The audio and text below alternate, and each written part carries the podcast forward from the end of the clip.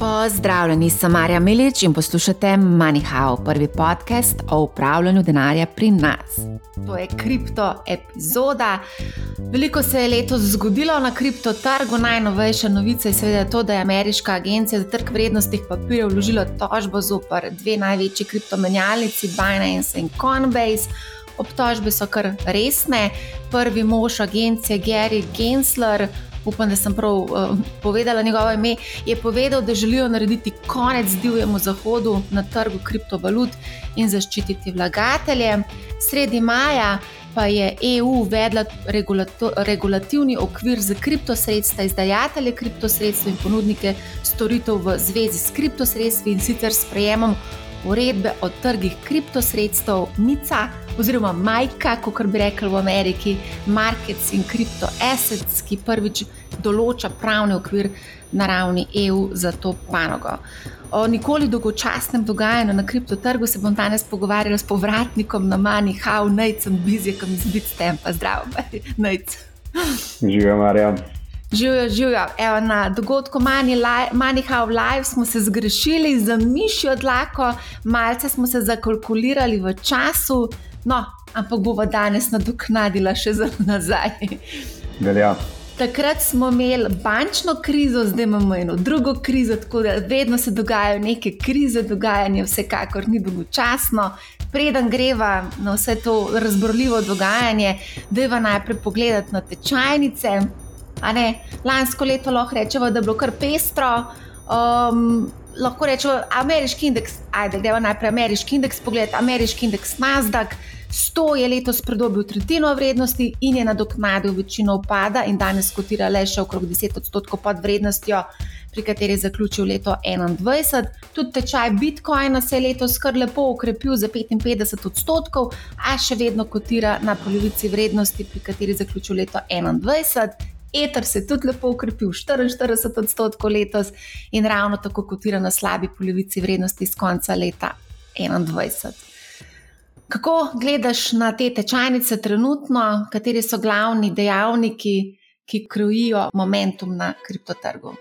Ja, definitivno dogajanje na, na, na, na trgih je, je zelo pestro letos in, in izjemno nepredvidljivo. Veliko um, rekel, znanih investitorjev, pa pametnejših od mene, ne pravi, da je to neko najtežje makro okolje, v katerem so kadarkoli vlagali denar eh, svojih vlagateljev. Uh, pravi, še zmeraj ti inflacijski pritiski, uh, hkrati pa, uh, hkrati pa zaposlenost ostaja visoka, kar na, nas lahko nekako vodi v prepričanje, da, da, vem, da, bo, sprav, da bo pritisk na, na, na ceno storitev oziroma to ceno dela postal visok, se pravi, neka persistentna taka, taka inflacija, hkrati pa denar je postal, postal zelo, zelo drag. Eh, in zdaj um, v samem kriptu bi rekel, da se je um, trg odzval eh, pozitivno iz parih razlogov. Um, en je ta, čist, bom rekel, globalni makro, uh, se pravi, cel ta trend dedolarizacije, ki se odvija. Um, to je nek zelo tak dolgoročen sekularni trend, ki pa smo ga mogoče, ko začneš spremljati, sem pa ti ja vidiš kakšno novico, uh, pa pa v bistvu kar naenkrat pridobi na, na, v bistvu, na, na, na tej hitrosti. In to pomeni nekako odmik od ameriškega dolarja, um, oziroma ne nujno ameriškega dolarja, tudi ameriških obveznic, uh, kot tisto ultimativno, ultimativno rezervno, rezervno sredstvo lahko bi rekel, da je bil trigger takrat, ko so američani, uh, oziroma ko je, ko je Evropa zamrznila ruske rezerve, ne, ko kar naenkrat tista ameriška obveznica več ni bila uh, tisto, tisto najbolj, američani bi rekli, pristine collateral. Ne, in se potem začneš nekako ozirati, ok, ne, kaj pa še alternativa tukaj um, ameriškemu dolarju. Ne. In v tem samem spraševanju uh, o tem, kaj pa je zdaj ta alternativa, ali je to res ta inside money, se pravi uh, valute centralnih bank, ali je mogoče kakšen outside money, pravzaprav, ki obstaja. Ne? In v tem, seveda, zlato takoj pade na pamet. Um, kot mehen delček, oziroma kot bom rekel, en zelo ambiciozen um, uh, projekt, uh, je pa seveda tukaj tudi, tudi stoji Bitcoin in ta cel, cel kriptomarket. Tako da ta trend dedolarizacije, sigurno uh, kot en dolgoročen, je, uh, bom rekel, veter v jadra kriptu. Um, potem to celo negotovo okolje, visoke obrestne mere, vidimo, ne, kako se podre Silicon Valley Bank, kako v bistvu Amerika napade kripto, um, kriptobanke, ne, v resnici zelo politično, zelo politično napade kriptobanke in, in kripto presenetljivo dobro se odzove na celo zadevo. Ne. Pravzaprav um, bi pričakoval, da okay, smo zelo povezani, visoka korelacija z Nasdaqom, uh, to je vse long duration asset, ne. ampak v resnici temu ni čisto. Uh, očitno je kripto v tem negotovem okolju, kjer je pravzaprav historično težko najti analogijo, kdaj je bilo tisto zadnje obdobje, ki bi lahko z njim vlekel usporednice. Uh, je, je, se mi zdi, da, da se presenetljivo spravi ta pozitiven makro, makro trend. Um, in pa seveda odboj od eh, notranjih, torej tehnično preprodanih ravni uh, in pa tudi, pre, bom rekel, položaj v ciklu. O tem sem že malo zadnjič govorila, ne? Bitcoin ima ta svoj cikl, ki se ga v bistvu pravzaprav kar lepo drži. Če pogledamo chart, kakšen je bil tam 2019, 2020, 2021, smo zdaj tam 2019 počasne, ker so se te odboji zgodili in potem neko obdobje negotovosti, pa potem proti halveningu, ki je naslednje leto. Tako da, um, kako gledamo vse skupaj, izjemno negotovo overall, ampak uh, so, um, bom rekel, uh, razlogi za biti optimist. čist biko skoraj razpoloženo. Ampak, veš kaj, recimo, zanimivo mi je to, da ko se pogovarjam z ljudmi, ni več unga hajpa. Tudi med mladimi ni hajpa. Tako zelo se je umiril. In v bistvu kripto se omenja zdaj kot neka postranska opcija za investiranje. Zdaj bolj jih zanima investiranje v ETF, v delnice in podobno, obveznice, recimo, smo imeli tudi hajpne, medtem ko kripto je tako zdaj mal take vtis, ko se pogovarjam z ljudmi, tudi z najstniki, mladimi, ne hlastajo več po tako hitrem zaslužku na kriptotrgu, kot so mogoče kakšno leto ali pa dve leti, tri leta nazaj.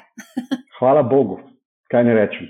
Jaz mislim, da ne, eh, na koncu vse teorije, nekakšne teorije portfelja še zmeraj držijo. Ne, delniške naložbe um, ne, uh, še zmeraj so ključ vsakega portfelja. In mogoče smo imeli ta 60-40 portfolio, ki je lepo držal zadnjih 30-40 let.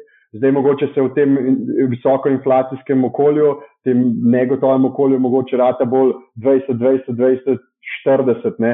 ker so delnice 40, ostalih 60 pa razdeliš malo na komoditije, ker jaz mislim, da ima kripto svojo vlogo tudi, malo na cash, pa malo verjetno na obveznice. Uh, tako da uh, se se strinjam. Mislim, zdaj je obdobje na kriptotrgu, ko se uh, pač res se čistino, v smislu, ostajajo ne, Bitcoin in Ether za me, sta zmer imela jasen položaj v, v tem, kako izraz je, se pravi, uh, macro asset universe, ne, se pravi, jasen položaj imata oba.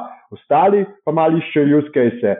NFT so zanimivi do določene mere, um, kakšni projekti so dobri, ether scaling solution, ampak veliko je pa tega, ne, um, um, ne, um, velike zadev, ki, ki bodo odpadle. Um, in ja, zato seveda ni tako atraktivno, ker ni več hitrega zaslužka, ne. zdaj se gremo AI, pa uh, bo tudi to minilo. Jo, jo, jo, AI, to je pa tudi zdaj vroča zgodba, zdaj pa vsi na to pa trzajo. No? Ampak dobro, ko govorimo zdaj o tem univerzu, ne, jaz vsakeč, ko pogledam na CoinMarketCap, koliko je teh esetov oziroma teh kriptovalut, in sem vsakeč znova presenečena, kako to noro raste. Trenutno jih je 25.723 zdaj pa ti izbiraj naložbe znotraj tega univerza. Pa moraš v bistvu eh, dejansko, to je vsak projekt, ki živi za sebe. Ti moraš narediti dobesedno due diligence, če hočeš investirati v en tak projekt. Ne? Ej, kaj si povedal, ko smo se pogovarjali točno o tem, o tem množici teh naložb, ne, si rekel prvih 500, nekako, da se ti splača mogoče uč vrš uh, na, na, po, po temu uh, market capu. Ja, uh, se pravi, ampak kaj, kaj se razume pod učvršt? Jaz mislim, da je spet vprašanje, ne, um, zdaj čist iz vidika portfelja, ne, katere so tiste panoge, ki so potencialno zanimive. Da zdaj recimo gaming. Jaz mislim, da ima blockchain in kripto, ima killer use case za gaming, ampak mora pogruntati, kako ustrezno uh, zadržati uh, to uporabniško izkušnjo. Se pravi, da, ne, da se ne pojavi zdaj blockchain v neko igro in uporabniško izkušnjo podre, ampak mora to uporabniško izkušnjo pripeljati na nek nov nivo. In če se odločimo za gaming kot segment, uh, lahko potem pogledamo, ok, znotraj to 500, koliko imamo teh projektov, ki so mogoče pure play gaming, se pravi, da res se ukvarjajo z nečem zanimivim. In potem gledamo, ok, ne, in, in raziskujemo tako naprej, a ne, a to neke, a je to neka infrastruktura, ki, ki je agnostična glede na posamezno igro. Se pravi, da ne razvijajo zdaj kar neke igre, ker vemo, kako je v gamingu. Ne? Danes nekaj igramo, uh, jutri pa ne, večinoma. Redke so tiste, bom rekel, res klasične franšize, ki ostajajo. In, in pa vprašanje, kaj je ta, kje je tukaj kakšna dobra agnostična infrastruktura, ki se razvija. In jaz bi rekel, ja, ta research se verjetno začne znotraj top 500. Ampak, uh, ker me to držite za besedo, mogoče znotraj top 200. Ampak Ajde. tako nekako se bi začel razmišljati o posamezni panogi uh, v, v kriptu. No, vidiš, naslednjič, ko se bomo pogovarjali, bo ta košarca mogoče se še malo skrčila, glede na vso regulacijo, ki se napoveduje, pa nekatere kriptovalute tudi malo bolj pod drobno gled se bo vzelo. A se lahko dotaknemo na hitro, samo še enkrat teh, tega cikla? Uh, Um, eno leto in pol je nekako od tistega rekorda, pa potem do tega, da se ustali kripto, eno leto pa pol ne bi ta cikl trajal, če, se, čeprav, če smo prav zračunali. Se pravi, če je Bitcoin dosegel vrh novembra 2021 pri okrogli 67 tisoč dolarjih, bomo očitno kmalo dosegali oziroma šli proti novemu vrhu, ali se bo ta cikl zelo mal podaljšal? Ja, preprost odgovor je, da se pravi, zdaj smo nekje 450 dni od vrha. Ne? To je že v bistvu takrat, ki, ko, ko je ponovadi rečemo, the bottom is in. In vsi tisti pametni investitorji um, so, so pravzaprav videli, da je velik, se pravi, te res, bom rekel, um, na blokčinu se vse zadeve vidijo. Ne? In te veliki akonti, ki jim v našem marketu rečemo whale, so, so zelo aktivni, bili tam med okrog 20 tisoč. In pravzaprav to je bilo že nekaj časa nazaj, ne? se pravi, to je bilo okrog 360 dni, oziroma 350 dni z novembra lani. Uh, in, in zdaj, pravzaprav, zdaj smo pa nekje 450 dni. Um, in se pravi, eh, jaz mislim, da smo že videli dno, razen če se nam ne zgodi marec uh, uh, 2020. Se pravi, marec 2020 je bil tisti event, ki je COVID izbruhnil, ker smo imeli v bistvu zlom trgov vse poprek. In zdaj tukaj obstaja, se pravi, obstaja možnost, da bomo to leto spet videli, glede na globalno makro sliko. In spet, ne, investitorji, ki so veliko pametnejši od mene, uh, spet uh, pravzaprav velikih je v tem kampu, da bomo videli eno onak popravek.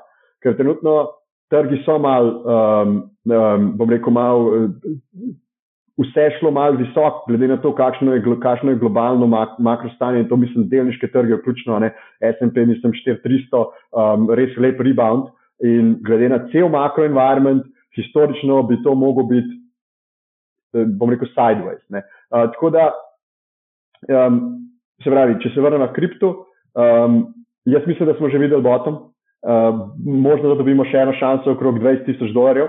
Uh, je pa pač potem naslednjo leto, uh, mislim, da imamo ta halvening, ker gre reward ne, per mind block, se pravi na en blok, ki ga uh, te mineri uh, proizvedejo, gre iz 6,25 se razpolovi, tako da bo to spet imelo učinek na, uh, na sam supply bitcoina. In se pravi, zaenkrat je podobno. A ta halvening vpliva tudi potem, konec koncev, na samo ceno? A se, se, se zgodi kakšen premik, gor ali pa dol? Historično, ja, ponovadi prej.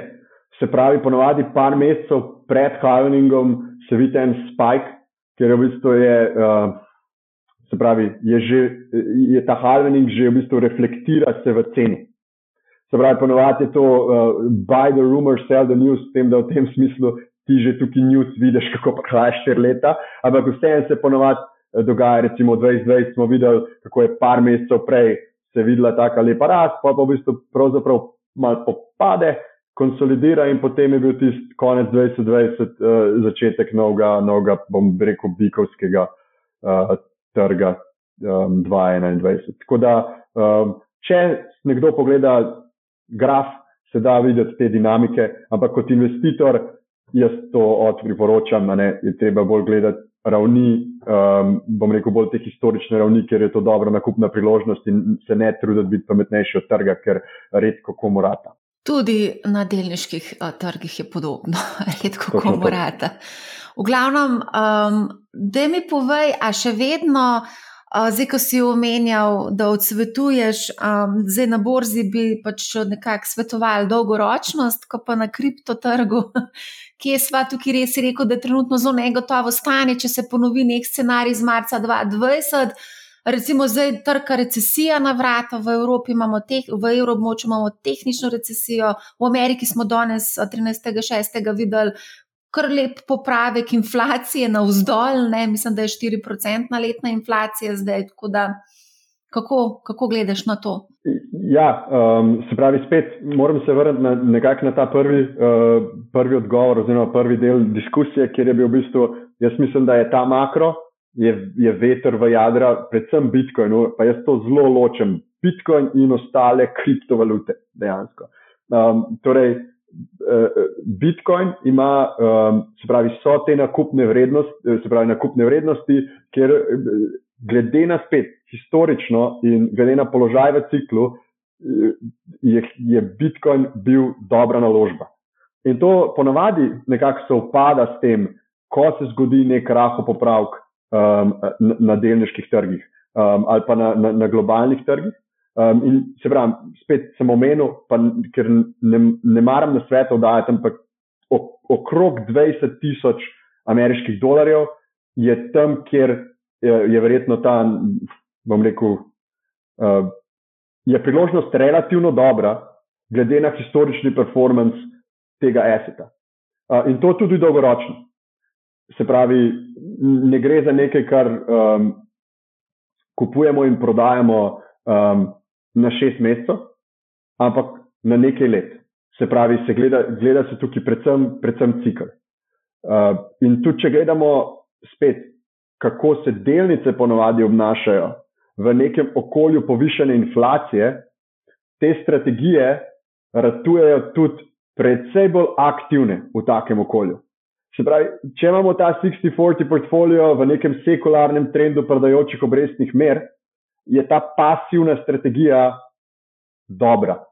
Uh, je pa vprašljivo, če smo še v takem okolju. Jaz mislim, da nismo. Um, in, in tukaj bo tudi verjetno neke te aktivne strategije. Uh, je razumno pričakovati, da bodo, um, da bodo, boljš, uh, da bodo imele boljši performance, recimo naslednjih uh, deset let, kot um, neke popolnoma, popolnoma pasivne strategije. Aktivna strategija, seveda, tudi zelo ustreza kriptomenjalnicam. Treba dodati. Ko praviš, da je bila dobra naložba, medtem ko si razlagal um, o tem, ne, sem na hitro zračunala, um, za koliko je v bistvu vrednost Bitcoina upadla z vrha, uh, ki je bil novembra 2021 pri 67 tisoč dolarjih, danes je 25 800 trenutno kar pomeni 61 odstotni upad vrednosti. No? Ja. Se, da če ne znaš povedati, pač tako je, nimamo kaj ne. A greva se dotakniti za te regulacije, ker regulacija konc konca lahko tudi tista, ki nekako um, spodmakne nadaljno rast, če lahko temu sploh tako rečem. Uh, zdaj smo videli v začetku junija je SEC, ameriški, agen, ameriška agencija za trg vrednostnih papirjev, usekala dobesedno po, po eh, Binance in Coinbase, eh, dveh večjih kriptomenjalnicah, jih je tudi tožila, obtožbe so kar resne, vse od eh, poseganja v sredstva strank, okoriščanja na račun strank. Mislim, da je celo Binance eh, kupil eh, jahto z enim, z sredstvi od strank, mislim, da je 11 ali koliko milijonov je bilo. Eh, številke segajo vse tja do 12 milijard, potem neke scheme za naklepno izogibanje ameriški zakonodaji, je bilo manipulativno trgovanje med računi entitet. Skratka, kar neki problemov so našli pri ameriškem regulatorju. Kako vi gledate na to? Spremljate, verjetno spremljate to zelo natančno na Bitstampu. Ja, eh, je glavna tema pogovora, eh, sigurno. Zdaj, kako gledamo na to? Jaz, jaz bi rekel, spet je več um, iz večjih zornih kotov, se da to pogledati. Uh, eno je sigurno, ne, če gledamo čez geografsko, z neko dobršno mero zaskrbljenosti, uh, predvsem kar se tiče ne, ameriškega trga. Um, in in tle, je, tle gre za nek sistematičen napad. Uh, Kakorkoli se to sliši malo um, teatralno, gre za, gre za neko, bom rekel, sistematično um, gonjo proti v bistvu kriptoindustriji oziroma akterjem v kriptoindustriji. In verjetno glavni povzročitelj tega pa je še v bistvu november 2022 in to je ta FTX.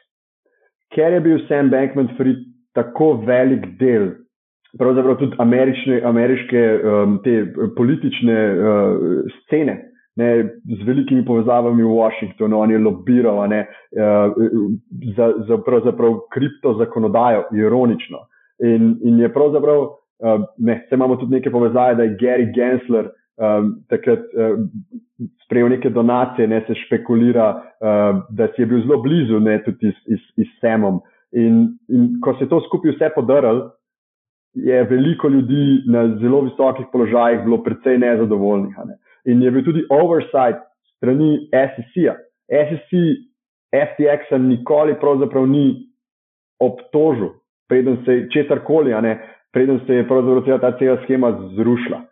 In, in, in kot posledica, zdaj vidimo, 3-6 mesecev kasneje, najprej tista bančna kriza, kjer je bil kripto, uh, glavni krivec, s tem, da je uh, CEO, uh, se pravi predsednica uh, Silicon Valley Banka, povedala, da kripto Eh, kot tak ni imel nič, ali je bil samo del depozitov Silicon Valley Banka. In potem, če nadaljujemo še tri mesece kasneje, um, vidimo te, um, tožbe proti praktično celi industriji. Pravzaprav je Bitstamp edina kriptovorza, um, ki, operi, ki mislim, da je edina v Ameriki, uh, ki še ni. Uh, v bistvu dobila komplenta, ki ni dobila komplenta um, strani um, SEC-a.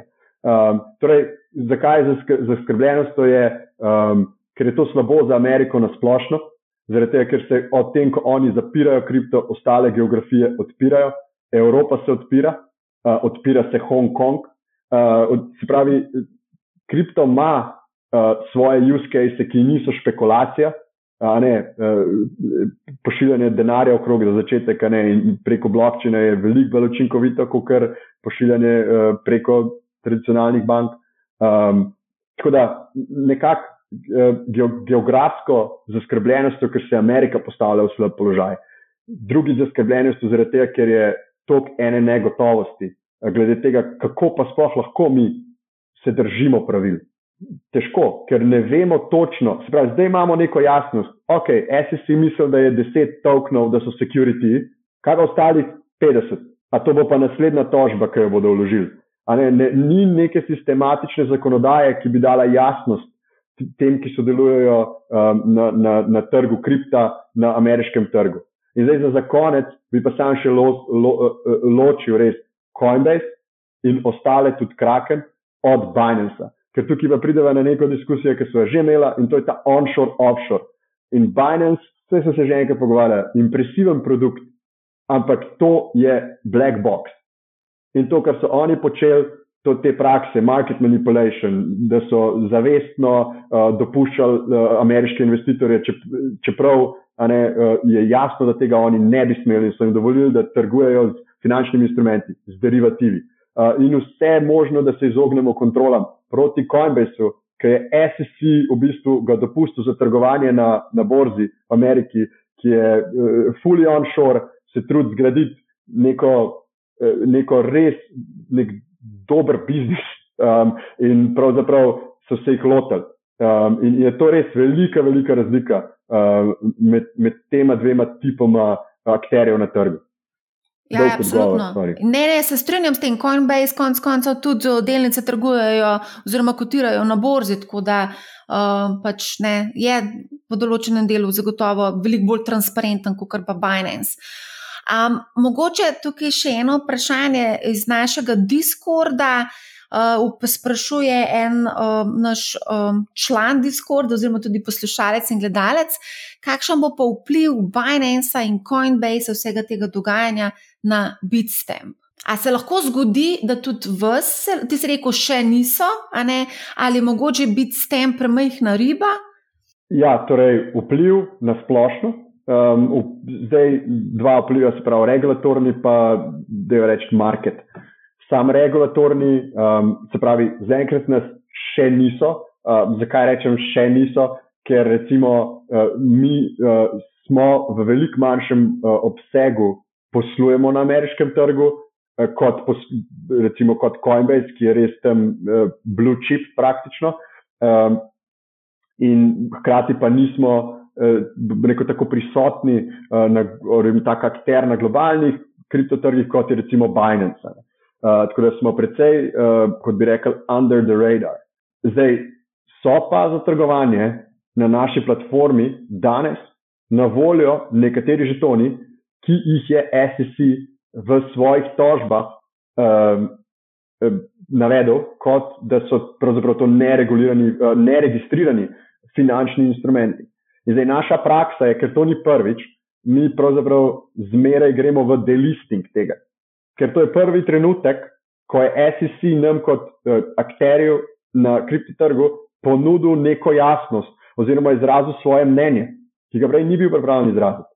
Tako da uh, zato rečem, še niso, lahko da se zgodi, ampak mi smo definitivno compliance forward, regulation forward in verjamemo, da poslujemo, imamo zelo strok postopek, kako dopuščamo določene žetone za trgovanje in to je regulator odobril uh, naš sistem oziroma postopek za dodajo žetonov na trgovanje na ameriškem trgu. Se pravi, New York Department of Financial Services je ta naš postopek potrdil. Uh, tako da mi delamo vse, kar lahko, da poslujemo v skladu z relevantno zakonodajo na ameriškem trgu. Uh, tako da to je nekako stanje danes. Uh, zdaj, kar se tiče pa nasplošno kriptotrga, se pa vidimo že dogaja, In to se prej začne dogajati na institucionalnem trgu, ki ima boljši um, risk management, mislim, bolj um, že pravil, po pravilih so bolj, uh, bom, bolj manj naklonjeni tveganjem um, in se hitreje odzovejo na neko povečano tveganje. Um, tako da vidimo,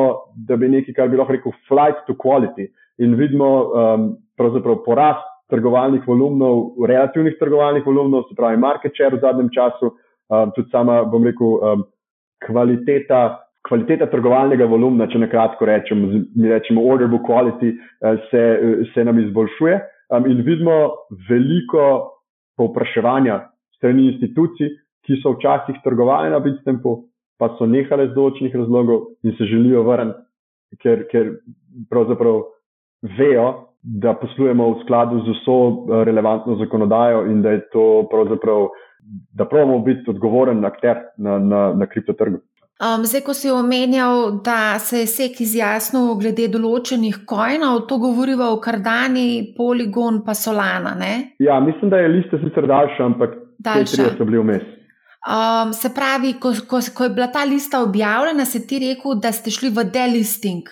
Torej, kako postopek ponovadi poteka, je naša pravna ekipa v Ameriki. Uh, seveda prebere eh, eh, relevantno zakonodajo in potem da priporočilo managementu, a ne da se um, načeloma zgodovinsko, ko je SEC nekaj izpostavil, je bilo priporočilo zmeri delisting in potem mi ustrezno ukrepamo in verjamem, da je, obstaja vrednost, da se bo to zgodilo tudi v tem primeru. Uh, Enostavno tveganje, ne, težko upravičiš tveganje, da bi še nadaljeval s trgovanjem v tem trenutku. Ni pa to nujno. Ni pa to nujno. Okay, v primeru, eh, eh, opazila sem, da se kar pogosto dogajajo neki delistingi z različnih teh kriptomenjalic in različnih razlogov. Mogoče naredijo due diligence nekih teh projektov, pa rečejo, to ni v redu, pa delistajo. V primeru, da si ti imetnik teh kojnov, kako tebe to delistanje prizadene? V konkretnem primeru. Uh, recimo Cardano ali pa Solano boste umaknili z borze, ja, ja. kaj to pomeni za mene? Recimo? Ta informacija ti bo znana že kakšnih uh, vsaj 14 dni vnaprej ali pa 3 tedne in se pove, ne, takrat, takrat se bo ustavilo trgovanje. Uh, imate čas do takrat, pa takrat, da svoje sredstva prenesete v, v drugo denarnico. Zdaj ta denarnica je lahko, se pravi, non-custodial, neka, uh, neka tvoja denarnica ali pa neka druga borza, ki to trgovanje še ponuja. Uh, in potem e, e, enostavno se ta, ta sredstva ostanejo na voljo za, um, se pravi, za withdrawal, a ne za dvig iz, iz borze. In potem se trgovanje ustavi, ta perioda še zmeraj, se pravi, še zmeraj vi lahko uh, po, se uporabnik lahko pobere sredstva iz, eh, iz menjalnice. In potem v eni fazi se pa tudi, tudi ta opcija ne zapre, ko je to časovno oko. Zdaj, kar dano pa solana, to so kar velike zadeve. No?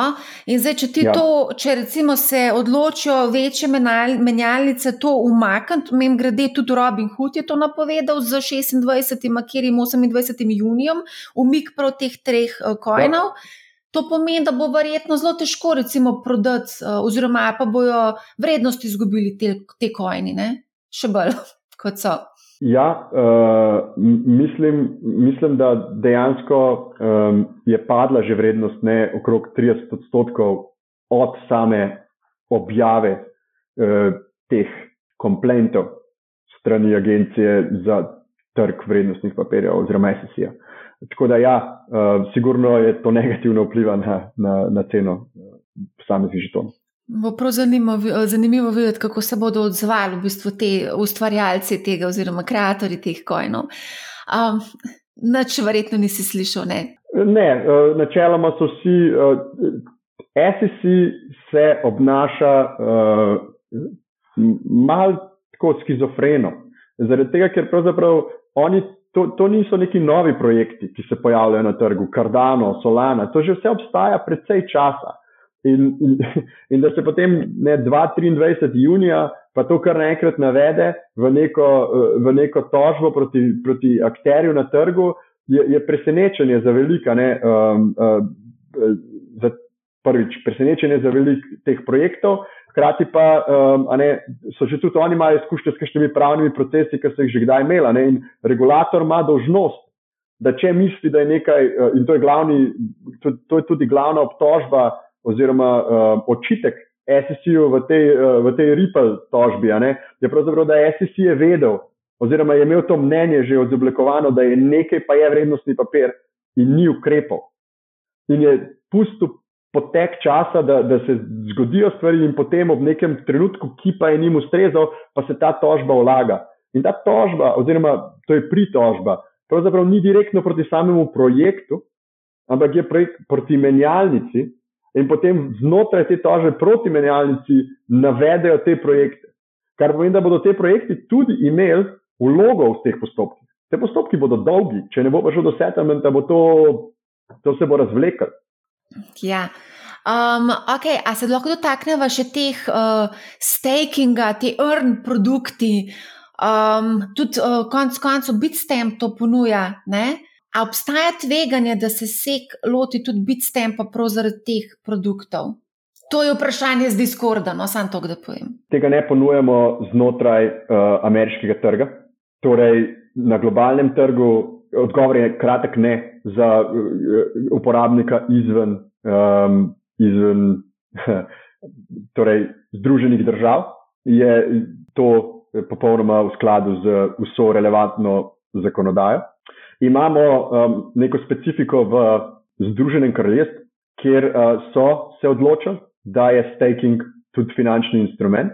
In v tem primeru, recimo, mi imamo ambicijo, da pridobimo licenco za uh, MIFID licenco, za, da smo pravzaprav broker oziroma posrednik, uh, hkrati tudi borza, ki lahko uh, posluje s finančnimi instrumenti in da te produkte tudi popolnoma um, regulirano ponudimo na, na angliškem trgu.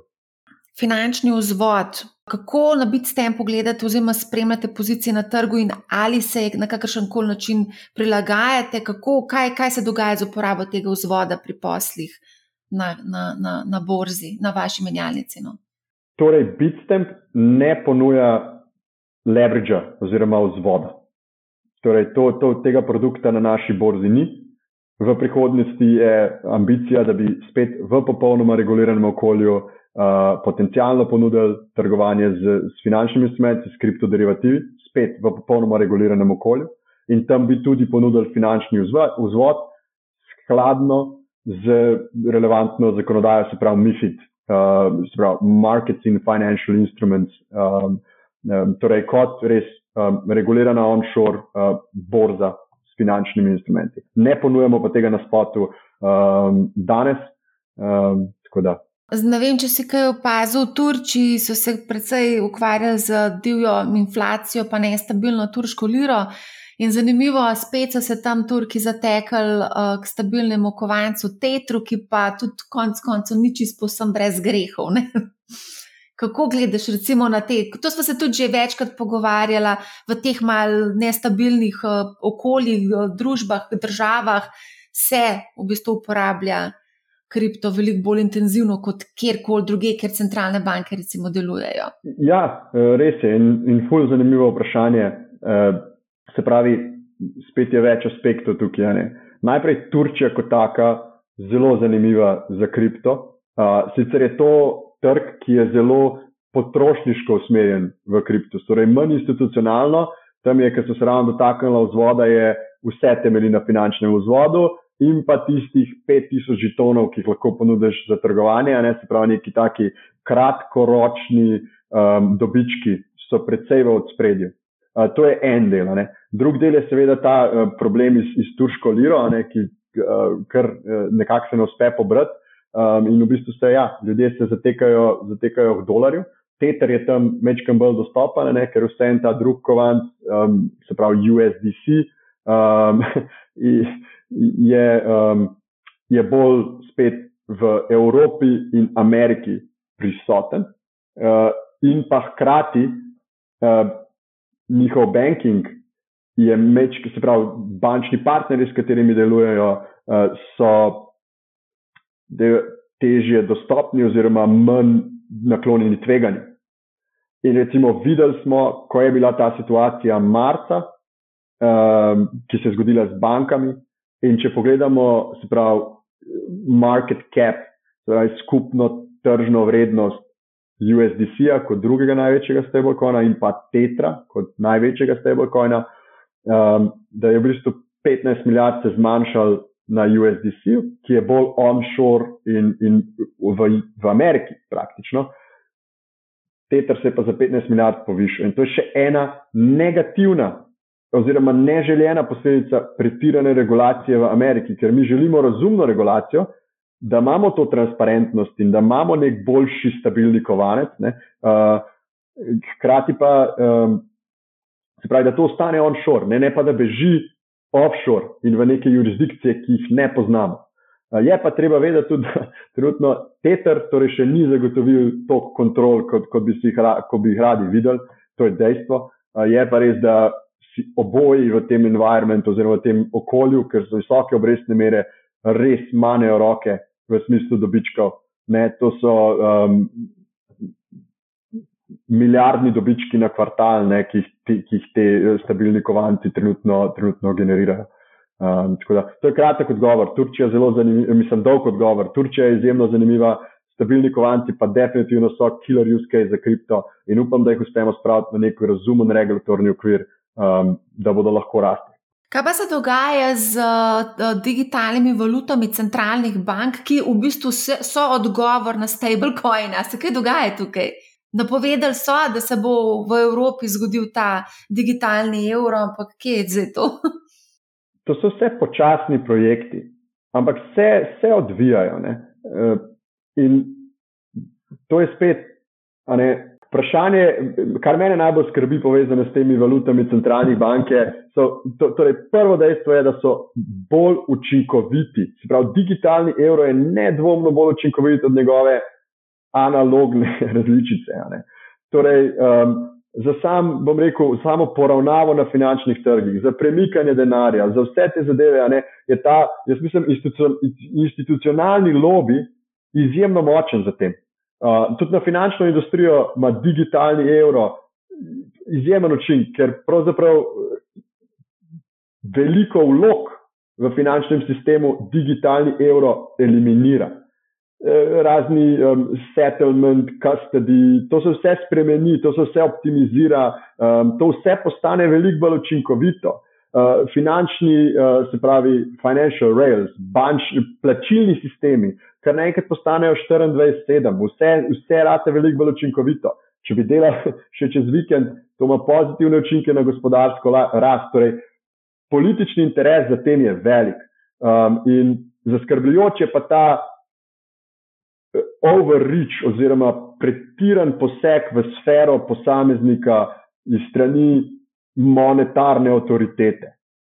Ker če greva nek 1984 scenarij v smislu tega utopičnega, ne, da bi nam lahko pravzaprav mi bi dobili svojo plačo v aplikacijo, vse bi plačal posod s tisto aplikacijo in na koncu v eni fazi bi ti pač rekel, rekel zdaj pa treba denar porabiti, ne, ne smete ga več držati na svojih računih, in ti pravzaprav posežejo do te mere, da usmerjajo tvojo porabo. Lahko. Pravi, uporaba posameznika bi teoretično lahko bila usmerjena strani neke monetarne avtoritete. In to na kitajskem, vse v Evropi imamo te zelo močen data protection in vse te zadeve, ampak nekje na kitajskem to sploh ni tako oddaljen scenarij, ker bi pravzaprav lahko tako stanje ustvarili. To mene, mene je zaskrbljujoče in bolj verjamem v te privatne oblike denarja, ki so ekvivalentne uh, evru. Se pravi, da, da, da je vse nek privatni denar, privatni evro, ki ima specifičen use case, ki lahko ga položimo pri centralni banki in vse te zadeve, ne, se pravi, ima ta ekvivalent, a hkrati pa ni, nima nobene avtoritete, da poseže v, v, v sfero posameznika. Uh, tako da neka ta srednja pot, mogoče, no, vse en bolj. Uh, je pa če sam še zaključim, je pa veliko se dogaja. Vsaka večja bančna skupina v Evropi gleda svojo verzijo nekega stablecoina. Um, vsi to gledajo, vsi kako bi to implementirali, kako to postaviti, da bo delovalo. Tako da, ja, uh, Societe Generale, recimo, en tak primer, ki ima veliko ambicij v kriptu, tako da se veliko dogaja. Eh, ravno ta teden me je ena novinarka sprašvala, kam naj ljudje investirajo denar, ki, ki jim dobesedno leži na banki in realno izgublja praktično na vrednosti iz dneva v dan. Ne. Ta ideja, da te nekdo prisil, da denar aktiviraš, recimo, da ga ne potrošiš v smislu, da greš kupiti neke zadeve, ki jih ne potrebuješ, ampak da investiraš, ki je tudi na nek način preusmeritev uh, iz banke. To bi bilo tudi mogoče včasih lahko kakšna brca urit, uh, bi nam lahko koristila. ja, recimo, ali pa tudi ne. Če tako pogledamo, če sem jaz zdaj kot najmanjša enota porabnika evra, rad, rad imam v bistvu direktno povezavo s centralno banko, se pravi z ECB-jem. A bi lahko potem tudi ECB, ker ECB bankam plačuje obresti danes, banke pa ne plačujejo prebivalstvu. A lahko potem tudi obrestujemo uh, na, na moji aplikaciji, uh, ne vem, 3% na evro, ker trenutno banke služijo obresti, ampak jih ne plačujejo uh, potrošnikom. Zdaj le se mislim, da Unicredit malo zganil, pa je dal 3% na depozite, ampak a, a, v Ameriki trenutno money market fundi, to je 4%, 4-5% trenutno samo cash uh, no, obrestuje. Ja. Ej, mogoče ideja za Bitstamp, um, uh, tudi uh, uh, brokeri ponujajo na neinvestiran denar obresti, recimo Trade Republic 2%, Interactive Brokers tudi mislim, da nekaj procentov ponuja, ena ali dva, ne vem. Tako da mogoče tudi Bitstamp lahko ponudi kakšen procent ali dva ali pet. gledamo. Res? Dejansko gledamo, kako bi lahko to rešili. No, vidiš, to je pa zanimivo. Ne, eh, ko se posamezni investitor, ne spet, če se vrnemo na tisto, tisto sestavo portfelja, mogoče 20, 20, 20, 40, ne, sprašuješ, ok, kot, kot nek, nek evro, uh, nekdo, ki je spostavljen večinoma evro, vse v dolar greš lahko, pa najdeš neke obresti. Ampak kot nekdo, ki je spostavljen evro, je malo možnosti, da se služi obresti na denar za potrošnika. In to se vse spremeni ko pa si ti, bom rekel, profesional investor, se pravi profesionalc, ne se pravi, spragaš dovolj denarja in tako naprej. Uh, tako da to je problem, ki ga ima Evropa oziroma, oziroma evro, ki se ga da začeti reševati. Um, vidim, da se ti mudi, ampak imam še dve vprašanje za tebe, preden bova zaključila. In sicer moramo tudi to omeniti. Opazili smo, da je BitStem postopil v partnerstvo s startupom Fiat Republic, ki ponuja platformo, ki zmanjšuje trenja pri poslovanju med kripto in Fiat svetom, predvsem plačilih in dvigih v različnih Fiat valutah. A bo to, kako, kako bo to vplivalo na uporabniško izkušnjo, oziroma zakaj si se odločil za to potezo? BitStem ima danes 16 bank, s katerimi poslujemo globalno. In to je ena izmed naših močnih točk. Se pravi, da imamo čim več in čim bolj razvejeno bančno omrežje, da lahko v vsakem trenutku zagotovimo, da uporabniki lahko položijo fiat in ga tudi potem nakažejo, nakažejo nazaj na račun. In Fiat Republic pravzaprav spada v ta koš. Torej, gre še za enega ponudnika uh, plačilnih storitev, ki, ki, prek katerega bomo, eh, se, se bomo integrirali in bo to dodatna možnost za uporabnike, da položijo sredstva in jih pravzaprav umaknejo iz bitne. Pa in videli smo, ne, ameriška kriza, uh, so se tri kriptobanke zaprle v enem tednu, ne, mislim, kriptobanke, spravi banke, ki uh, so v veliki meri servisirale uh, kriptopodjetja torej kot nek, nek, nek tako, moramo se odzvati na to in to je pravzaprav del diverzifikacije naših bančnih razmer. Kako pa gledaš ti na umetno inteligenco, to je zelo vroča zadeva, tudi delnice so zelo vroče in tudi mogoče precenjene zdaj v tem trenutku, ampak kar ljudje karinejo. Ja, torej na tem umetno inteligenco, jaz umetno inteligenco pravzaprav gledam kot na neko sredstvo za dosego ciljev, če se tako, se, spet mogoče se malo tako sliši, ne? ampak to je v bistvu, kako lahko operativno optimiziraš neko podjetje. Se pravi, mi, se pravi, tako mi gledamo na to, ne kot, kot bitstem. Se pravi, kako lahko v svoj vsakdani delovnik uh, in, in v katere dele podjetja znotraj tega vsakdanjega delovnika lahko ti upeleš umetno inteligenco, da optimizira tvoj delovni proces.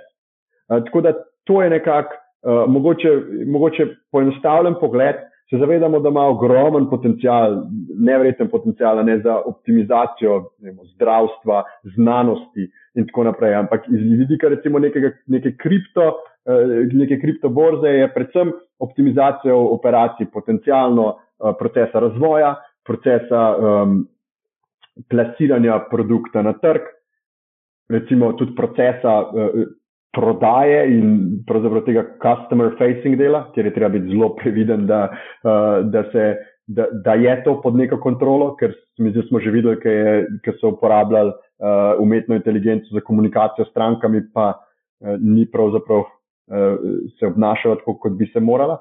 Uh, ampak skratka, ja, mi, mi smo interno pogledali celo, celo, cel bitstem, pa ne in smo identificirali področje, kjer lahko uh, optimiziramo svoje poslovanje um, in, in smo hitrejši, um, bolj učinkoviti, bolj natančni, um, ob zavedanju teh uh, tveganj, ki so predvsem povezane z um, nekimi kritičnimi deli infrastrukture uh, in dostopa umetne inteligence do te kritične infrastrukture, in pa potem samem poslovanju s strankami, uh, se pravi, da se ne zgodijo kakšne napake. Ni bil tak vizionarski odgovor. Mogoče samo še za zaključek eno vprašanje od našega uh, poslušalca, gledalca, člana na Discord kanalu. Um, ja, kaj naj ti rečem, tle le pravi, da je Slovenija majhna država in temu primerno potujejo tudi govorice. In sicer, da biti s tempovi poslovni rezultati precej škripljajo. A to drži? Torej, mi trenutno poslujemo tako, kot ostala industrija. Se pravi, um, se pravi, velik del um, industrije trenutno ne, um, se pravi, ne realizira dobičkov in to ni nobena skrivnost, če pogledate Coinbase, če pogledate Kraken, če pogledate ostale menjalnice. Mislim, da je pomembno to, da je postavljena struktura, da je pač podjetje finančno vzdržno in da pravzaprav imamo nove, uh, tako da razvijamo nove proizvode in storitve, um, ki jih bomo plasirali na trg. Uh, bodi si sami, bodi si s partnerji, eh, hkrati pa tudi eh, trg in volumni in volatilnost ne morejo večno stati na teh nivojih, um, kjer so danes. Um, tako da mislim, da je ključno, ključni del tega odgovora, je, da je pač podjetje finančno stabilno in pripravljeno na naslednji bikovski cikl, ki se približuje. Je pa Coinbase kar precej odpuščal, pa tudi nekateri drugi iz IT panoge, tudi pri vas pripravljate kakšne take zadeve, odpuščanje in podobno. Trenutno ni v načrtu, je pa res, da smo v zadnjih, recimo v zadnjih 12 mesecih, večinoma organsko naredili strukturo eh, podjetja, se pravi, celo bazo stroškov, veliko, veliko bolj vzdržno, podjetje je veliko bolj vidko um, in tudi veliko bolj učinkovito um, v povezavi s tem, kako razvijamo proizvode, storitve, kako sprejemamo poslovne odločitve, kaj so prioritete, kaj so tiste poslovne linije oziroma produkti, ki jih želimo uh, ponuditi svojim, svojim uporabnikom. Samo še za konec, mogoče še na svet našim poslušalcem, gledalcem in pa članom Discord skupine, uh, kako investirati v kriptotrgu, kam naj, kam naj plasiramo denar, ali so samo tiste tri, tri coin oziroma en coin, ki je nekako zaupanja vreden in bo nekako se obdržal tudi v primeru, da pride do nekih resnejših korekcij na borzi, ali pa do nove finančno-gospodarske krize. Ja, torej, vsak mora pri sebi razmisliti, kakšen um, profil investitorja oziroma trgovalca je. Uh, jaz sem že večkrat povedal, Um, torej, tudi, osebno uh, nisem načeloma uh, na, bolj kot je razumno naklonjen tveganjem, uh, torej ostajam pri svojem izboru um, tistih, tistih kriptovalut. Uh, seveda, če imate čas uh, trg bolj raziskati, so priložnosti, se zmeri ponujajo, še zlasti v obdobju, ne, tako kot rečejo, when blood is on the streets. Uh, tako da trenutno um, rekel bi razumno, če zagovarjam teorijo portfelja, um, uložite v, lahko v kripto tisto, kar si pač ne bi rekel, privoščite, eh, privoščite, lahko izgubite. Bolj bi rekel v tem trenutku, da mislim, da je kripto. Je, um, ima, so razlogi, zakaj se pravi Bitcoin, predvsem, bi lahko bil del, razumen del portfelja vsakega vlagatelja. Zdaj na tisti long tail, tistih 200 žetonov, ki smo jih omenili, se pa iskreno, jaz svojega researcha nisem naredil, uh, če pa ga uh, poslušalci lahko naredijo, uh, pa kar sigurno so zanimive stvari tam, ki bodo lahko ob, ob dobršni meri špekulacije bile tudi, uh, rekel, zanimiva investicija. In pa seveda po pameti, a ne? Absolutno. V glavnem, uh, Nec, najlepša hvala, da si se pridružil oziroma priključil Mani Hau. Uh, vesela sem, da si, si vzel čas in delil z nami vse te informacije, tudi te pikantne podrobnosti iz uh, vašega sveta, kriptosveta, kako poslujete, recimo, pa tudi to, da se poigravate z idejo, da bi tudi upeljali obresti depozit, na depozite oziroma na neinvestirane sredstva na menjalnici. Hvala, Najc. Hvala tebi, Marja. Malo ironično, mogoče v povezavi z, z eurodepoziti, ampak ja, upam, da čim prej. Hudo. Ajde, hvala, lepo se maj. Adijo. Hvala, čau, čau. Tako, to je bila uh, kripto epizoda z Necem Bizjakom. Tako da mislim, da smo, pripravili odlično vsebino z veliko bogatimi informacijami in upam, da, bo, da vam bodo prišle prav. Eh, kar se tiče samega investiranja v kripto, eh, tukaj seveda je treba ravnati po pameti, ne tvegajte preveč, če menite, eh, da niste kos nekako tem tveganjem oziroma tem nihanjem na kriptotrgu, mogoče kriptotrg ni pravi za vas. Toliko za enkrat z moje strani. Želim vam prijetno, prijetno jutro, dan ali večer. Vidimo se naslednji teden, ko pripravljamo novo epizodo. Poslušajte, manjhav, ne bo vam žal in lep pozdrav.